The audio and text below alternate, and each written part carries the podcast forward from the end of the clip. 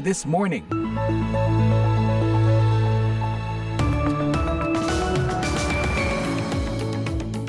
Hey, selamat pagi. VOA This Morning kembali menyapa Anda pagi ini live dari Studio 17 VOA di Washington DC bersama saya Rifan Wiastono. Apa kabar? Semoga baik ya. Semoga awal bulan Mei ini diawali dengan hal-hal yang positif, yang produktif buat Anda. Nah, seperti biasanya redaksi VOA sudah menyiapkan serangkaian berita hangat untuk Anda pagi ini dalam edisi Selasa, 2 Mei 2023. Di antaranya, May Day atau peringatan Hari Buruh Internasional pada 1 Mei kemarin diwarnai protes di beberapa negara dari bentrokan demonstran dengan polisi di Prancis hingga kenaikan upah di Brazil. E pela primeira vez a gente vai garantir Dan untuk pertama kalinya akan ada jaminan nyata bahwa perempuan akan mendapat upah yang sama dengan laki-laki. Tidak mungkin setelah ribuan tahun keberadaan manusia, pekerjaan perempuan dianggap lebih rendah. KPU telah memulai pendaftaran bakal calon anggota legislatif di tingkat pusat hingga daerah. Ya, jadi selama 14 hari kan kalender ke depan kami akan menerima pengajuan daftar bakal calon anggota DPR RI dan Jangan lupa siaran ini juga bisa Anda simak secara live streaming di situs kami www.voaindonesia.com atau dengarkan kapan saja lewat podcast VOA This Morning di platform podcast langganan Anda. Sekarang kita simak bersama berita dunia pagi ini bersama Eva Mazrieva.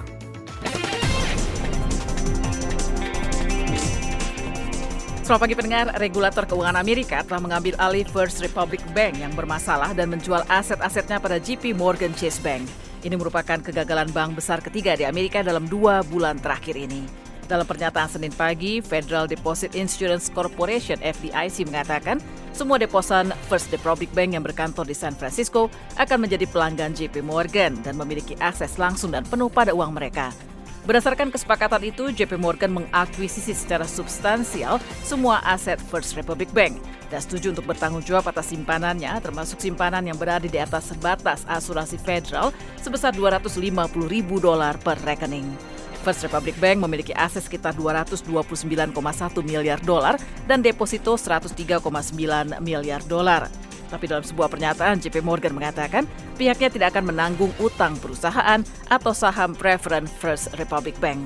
Di Gedung Putih, Presiden Amerika Joe Biden memastikan bahwa kondisi perbankan di Amerika tetap sehat.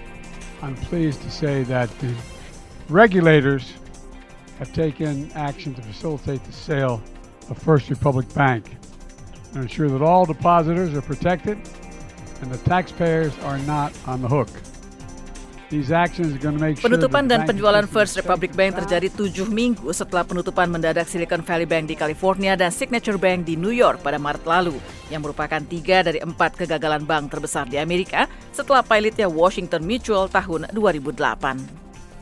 Langkah-langkah untuk menghadapi ekspansi Tiongkok secara agresif ke jalur perdagangan dan pulau-pulau strategis di Laut Cina Selatan akan menjadi topik utama pembicaraan antara Presiden Amerika Joe Biden dan Presiden Filipina Ferdinand Marcos Jr. di Gedung Putih. Marcos berada di Washington dalam lawatan empat hari setelah kunjungan Presiden Korea Selatan Yoon Suk Yeol pekan lalu dan juga pertemuan Biden dengan Perdana Menteri Jepang Fumio Kishida Januari lalu. Peringatan bagi Washington dan sekutu-sekutunya di Asia mengemuka seiring semakin percaya dirinya Tiongkok untuk menegaskan klaim kedaulatannya atas seluruh wilayah Laut Cina Selatan tanpa menghiraukan keputusan internasional yang menyatakan bahwa klaim tersebut tidak berdasar hukum. Ketegangan serta ancaman militer yang ditujukan Beijing secara terus-menerus terhadap Taiwan, pulau dengan pemerintahan demokratis sendiri yang diklaim Beijing namun dilindungi Washington, telah memicu pemerintah Biden untuk meningkatkan kemampuan militernya dengan cepat.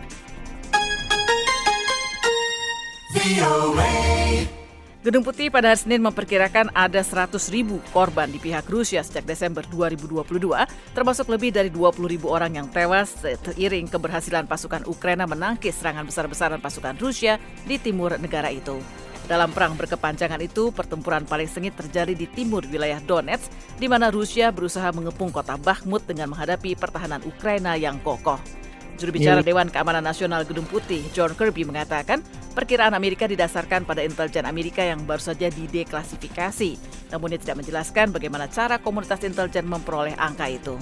nearly half of whom were Wagner soldiers, the majority of whom were Russian convicts that were thrown into combat in Bakhmut without sufficient combat uh, or uh. Kirby mengatakan hampir separuh dari korban tewas di pihak Rusia sejak bulan Desember adalah tentara bayaran Wagner yang sebagian besar merupakan mantan narapidana yang dibebaskan dari penjara untuk bergabung dalam perang Rusia di Ukraina. Ia mengatakan pasukan Wagner dikirim ke medan tempur tanpa latihan yang memadai maupun kemampuan untuk mengendalikan dan memberi komando ke organisasian. I could stay awake just to hear Pendengar Aerosmith akan berkeliling kota di dekat Anda untuk terakhir kalinya guna merayakan 50 tahun kebersamaan mereka. Band Rock and Roll Hall of Fame itu pada hari Senin ini mengumumkan tanggal tur perpisahan mereka yang diberi judul Peace Out mulai 2 September mendatang di Philadelphia. Pertunjukan yang direncanakan berlangsung selama 40 hari itu termasuk persinggahan di kampung halaman band itu di Boston pada malam tahun baru nanti akan berakhir di Montreal, Kanada pada bulan Januari. Gitaris Joe Perry mengatakan ia yakin sekarang ini adalah saatnya untuk melakukan tur terakhir dengan setiap pendiri band itu yang semuanya sudah berusia di atas 70 tahun. Anggota yang hingga kini bertahan adalah pemain bass Tom Hamilton, pemain drum Joey Kramer, gitaris Brad Whitford, dan tentunya vokalis utama Steven Tyler. Tyler yang berusia 75 tahun adalah yang tertua di Aerosmith. Tyler dan Perry mengatakan kelompok itu menantikan untuk melihat kembali katalog panjang lagu-lagu klasik mereka, termasuk Crazy, the Gun, dan Living on the Edge. Selama bertahun-tahun, Aerosmith yang didirikan tahun 1970 telah meraih 4 Grammy Awards.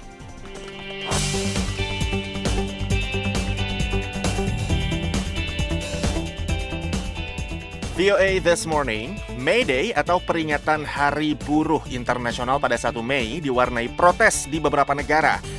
Di Prancis misalnya, demonstran yang meluapkan kemarahan atas kebijakan usia pensiun bentrok dengan polisi. Namun di Brazil, presiden justru menaikkan upah. Demonstrasi memperingati May Day atau Hari Buruh Internasional Senin 1 Mei berlangsung di berbagai negara. Pekerja menuntut kondisi kerja yang lebih baik dan standar hidup yang lebih tinggi. Di Sri Lanka, partai-partai politik yang beroposisi dan serikat pekerja menggelar unjuk rasa Senin memprotes langkah-langkah penghematan dan reformasi ekonomi dari perjanjian empat tahun negara itu untuk mendapatkan dana talangan dari Dana Moneter Internasional. Pengunjuk rasa menuntut pemerintah menghentikan langkah-langkah untuk menswastakan badan usaha milik negara dan semi pemerintah. Sri Lanka menghadapi krisis ekonomi terburuk dalam sejarah dan telah menangguhkan pembayaran utang luar negerinya. Di Prancis, demonstrasi berubah menjadi kekerasan. Demonstran di beberapa kota meluapkan kemarahan atas reformasi usia pensiun. Kerusuhan juga meletus di ibu kota, Paris. Polisi menembakkan gas air mata dan meriam air ke demonstran yang melempari mereka dengan bom molotov dan petasan, membakar sepeda dan menghancurkan halte-halte bus. Presiden Prancis Emmanuel Macron bulan lalu menaikkan usia pensiun 2 tahun, dari 62 menjadi 64 tahun. Keputusan itu ditentang banyak pihak dan menuai pemogokan dalam beberapa sektor.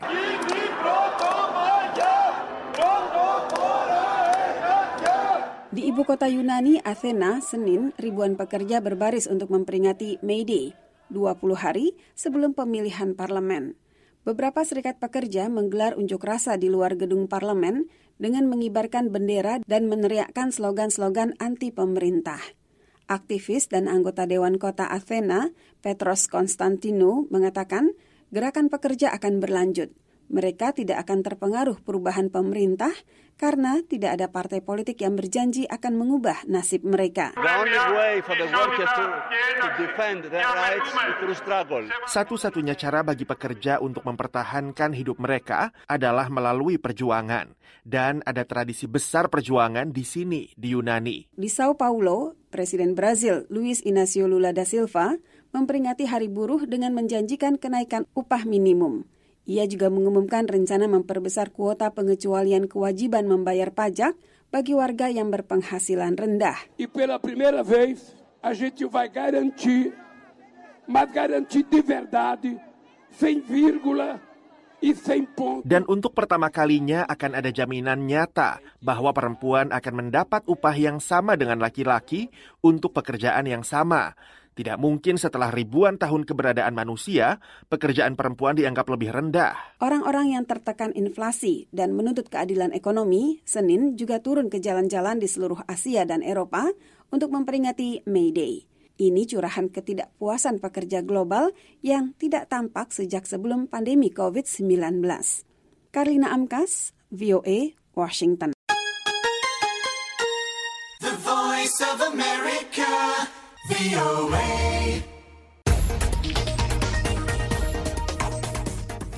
Kepala PBB di Sudan, Volker Perthes, mengulang seruannya kepada pihak-pihak yang bertikai di Sudan untuk menghentikan pertempuran dan terlibat dalam dialog yang serius. Perthes yang juga sementara pindah ke Port Sudan akibat meningkatnya bentrokan di Khartoum, mengatakan bahwa upaya sedang berlangsung untuk melibatkan wakil-wakil dari militer dan pasukan pendukung cepat alias RSF untuk dipertemukan di negara ketiga. Volker Perthes, Kepala PBB untuk Misi Bantuan Transisional Terintegrasi di Sudan atau Unit AMS, mengatakan dia terus berhubungan dengan pemimpin militer Sudan dan para militer pasukan pendukung cepat. Berbicara kepada para reporter di Port Sudan pada minggu, Pertes mengulangi seruannya kepada pihak-pihak yang bertikai untuk menghentikan pertempuran dan mengizinkan badan-badan kemanusiaan memberi layanan kepada warga sipil. Dia mengatakan sebuah dialog serius merupakan satu-satunya cara untuk mengatasi ketidakpuasan yang mengakibatkan pertempuran.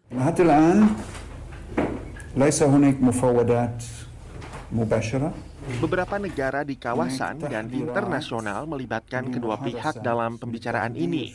Kami sepenuhnya mendukung usaha ini, dan saya pribadi berkomunikasi langsung dengan kedua pihak. Lebih dari 500 warga sipil dan kombatan tewas dan lebih dari 4.000 lainnya cedera sejak pertempuran meletus lebih dari dua minggu yang lalu. Pihak-pihak yang bertikai telah mengumumkan rangkaian gencatan senjata, tetapi tidak ada yang mampu bertahan lama. Situasi kemanusiaan di negara itu terus memburuk, sementara lebih dari dua per tiga rumah sakit di daerah pertempuran ditutup akibat serangan dan kurangnya pasokan medis, staf, air, dan energi listrik. Pertes menegaskan setiap gencatan senjata harus dipatuhi oleh kedua pihak. لأننا إذا نريد أن نساعد وإذا المواطنين يريدون أن يخرجوا من بيوتهم Kita perlu terlibat dan mengatasi situasi ini. Warga butuh untuk bisa keluar rumah, dan rumah sakit memerlukan pasokan medis. Guna menciptakan kondisi demikian, kita perlu gencatan senjata yang efektif, tidak hanya sekedar mengumumkannya. kebanyakan badan bantuan kemanusiaan telah menghentikan operasi mereka di Khartoum dan mengungsikan staf mereka keluar dari Sudan. Pertes mengatakan dia dan misi diplomatik telah pindah untuk sementara ke Port Sudan.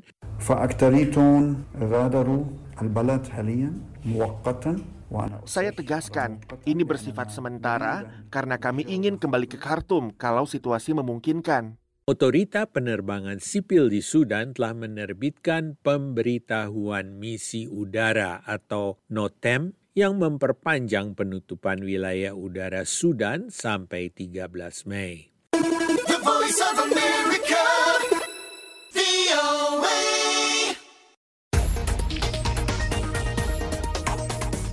Pendengar kita beralih ke berita dalam negeri. Komisi Pemilihan Umum KPU RI memulai tahapan pendaftaran bakal calon anggota DPR RI, DPRD Provinsi, dan DPRD Kabupaten dan Kota, serta calon anggota Dewan Perwakilan Daerah atau DPD Pemilu 2024. Yohanes Lita melaporkan selengkapnya.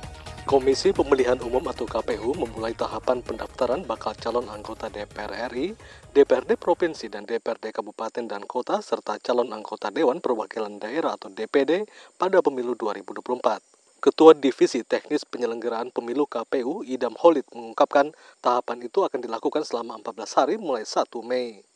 Ya, jadi selama 14 hari kalender ke depan kami akan menerima pengajuan daftar bakal calon anggota DPR RI dan hal ini juga di- dilakukan sama oleh KPU Provinsi, KIP Aceh, KPU, KIP Kabupaten Kota se-Indonesia sesuai dengan tingkatan pemilihannya. Jelas Idam dalam konferensi pers daring di kanal YouTube KPU RI Minggu 30 April.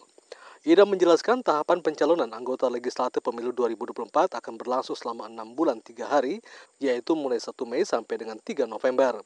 Serangkaian tahapan tersebut meliputi verifikasi administrasi dokumen persyaratan bakal calon, pengajuan perbaikan persyaratan bakal calon, dan verifikasi administrasi perbaikan dokumen persyaratan bakal calon. Yang selanjutnya, kami akan mulai melakukan penyusunan DCS. Ini akan dimulai 6 Agustus, ya. Uh, sampai dengan 18 Agustus secara rinci. Nanti kami akan sampaikan dokumennya. Jelas idam. Setelah DCS, KPU akan mulai menyusun dan menetapkan daftar calon tetap atau DCT dan kemudian secara resmi akan mengumumkannya pada 4 November 2023. KPU menyatakan jumlah bakal calon anggota DPD yang dinyatakan memenuhi syarat dukungan minimal pemilih mencapai 700 orang, terdiri dari 561 laki-laki dan 139 perempuan yang tersebar di 38 provinsi. Jelas idam, persentase perempuan untuk bakal calon anggota DPD tertinggi berada di Sumatera Selatan yaitu 50 persen, disusul Kalimantan Tengah dan Sulawesi Utara masing-masing sebanyak 40 persen. Persentase perempuan untuk bakal calon anggota DPD paling rendah berada di Sulawesi Barat, Papua Barat, dan Papua Barat Daya yang tidak mempunyai bakal calon anggota DPD perempuan. Ketua KPU RI Hasim Asari menjelaskan pendaftaran bakal calon anggota DPR RI untuk semua daerah pemilihan akan dilakukan oleh pimpinan partai politik di kantor KPU Pusat di Jakarta. Sedangkan untuk bakal calon anggota DPRD provinsi akan didaftarkan oleh pengurus partai politik tingkat provinsi di KPU provinsi tersebut. Demikian juga untuk pendaftaran anggota DPRD Kabupaten Kota dilakukan oleh partai politik di KPU Kabupaten Kota. Semua partai politik peserta pemilu yang sudah ditetapkan oleh KPU akan menyampaikan SK surat keputusan yang intinya persetujuan tentang nama-nama bakal calon anggota DPR RI. Jelas Hasim Asyari. Dari Kabupaten Poso, Sulawesi Tengah, Yones Lita melaporkan untuk VOA Washington.